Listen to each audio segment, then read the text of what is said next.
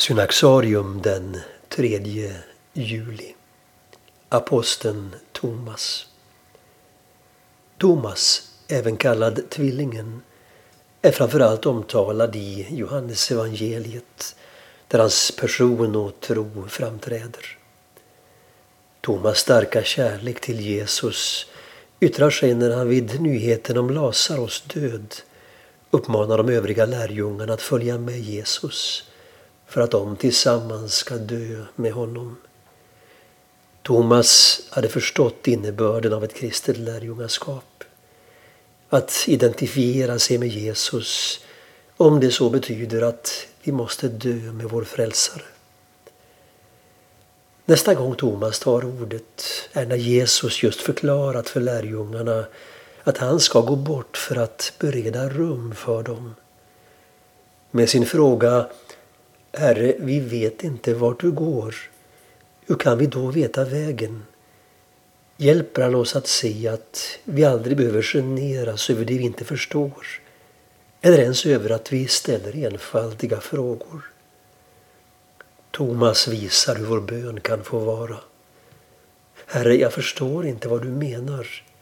Hjälp mig att förstå.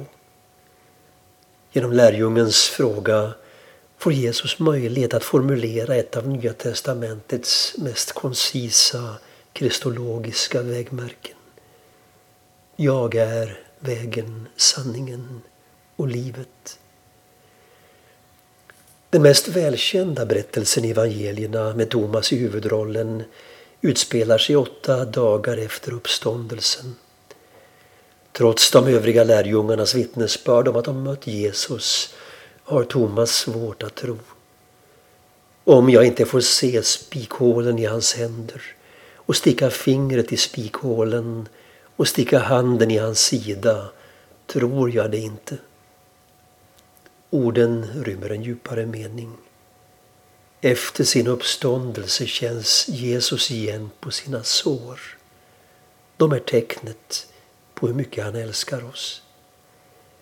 När Jesus nu visar sig för Thomas och låter honom sticka fingret i spikhålen utbrister lärjungen Min Herre och min Gud.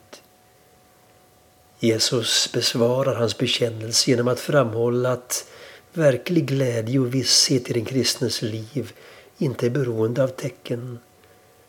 Saliga de som inte har sett men ändå tror. Berättelsen om Thomas är en av de mest trostärkande i evangelierna. Den tröstar oss i vår osäkerhet samtidigt som den visar hur varje tvivel kan bli födelseplatsen för en ny och djupare visshet. Här avtecknar sig innebörden av sann mognad. Att i kärlek hålla fast vid Jesus även när tron inte bekräftas av det vi ser och hör.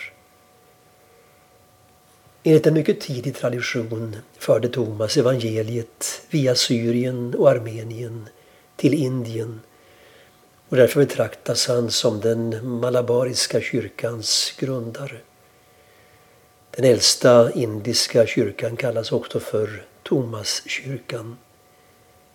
Enligt traditionen blev Thomas martyr i Indien